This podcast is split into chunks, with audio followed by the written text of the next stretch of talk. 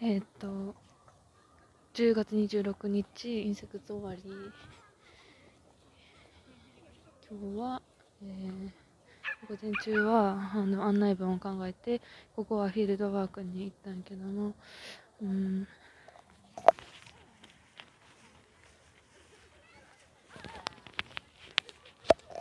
何が面白かったかというとまず、うん、集合団地とかマンションがすごくやっぱり多くってでその建築学を学んでいる風子とか乙部さんとか、えーまあ、春さんとかが見たらきっとあの写真上手にこうモダンに撮るやろうなっていう建物がたくさんあって、えっと、こういうの、えっと、窓とかすごいいっぱい、えー、ついてるのとかも面白いしなんか、えー、そういう建築を学んだことがある人が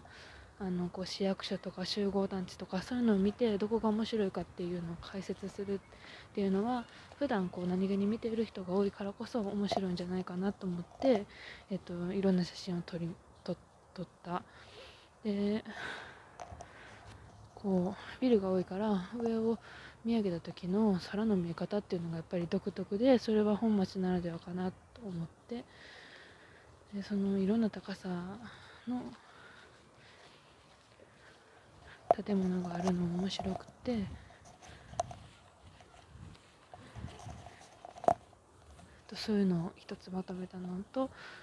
ともう一つは角にある店っていうのが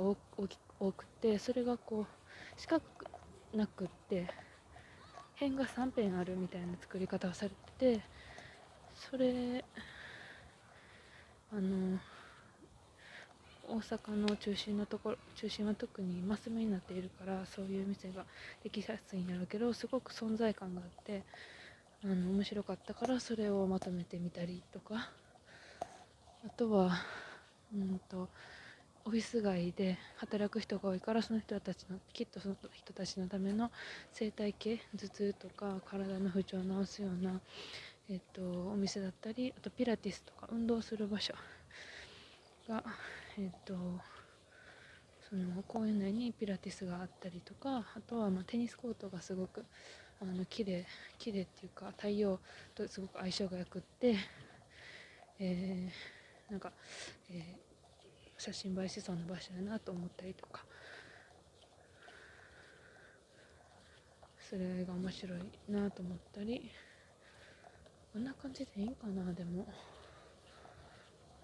でもはるかが今日見て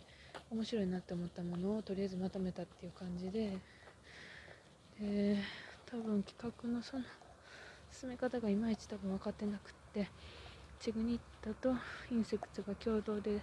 まずジンのワークショップをやって次本のワークショップをやるっていうことだと思うんだけど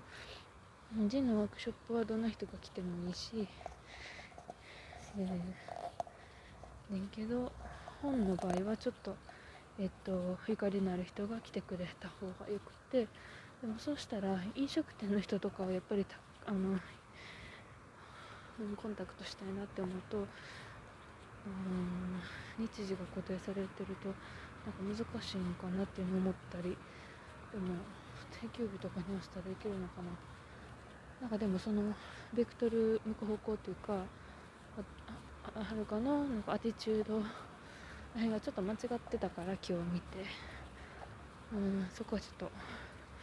修正してもっと自分からあの分かるまでちゃんと聞かないとあかんなっていうのはすごく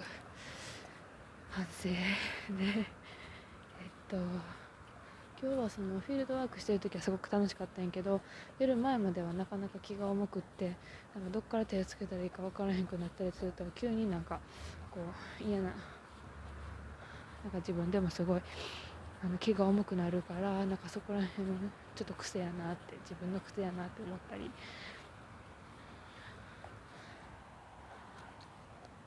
今日電車ですごいしんどくって首あたりがすごい凝るし目の T ゾーンのところがなんかすっごい重たくっておかしいと思ったけどやっぱり生理やってなるほどなっていう感じで今はでもちょっと元気になってきたけど。そうフィールドワーク自体は楽しかったけどそれがそれが面白いと思ったことが伝わったりとかあの形になったりするかどうかはやっぱ分からなくて。うんちょっと見せてみないと分からないなっていう感じ。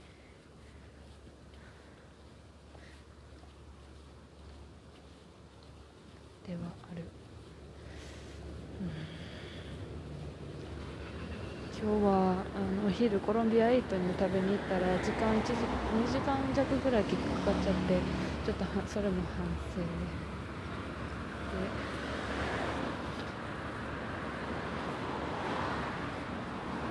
明日は弁当持ってってもいいけどいいし、あのもうちょっとウツボ公園の周り散策できたらいいなっていうのも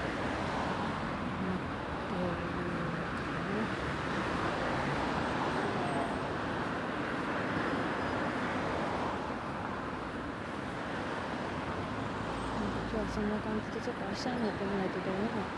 どうにも分からへんので。こんな感じで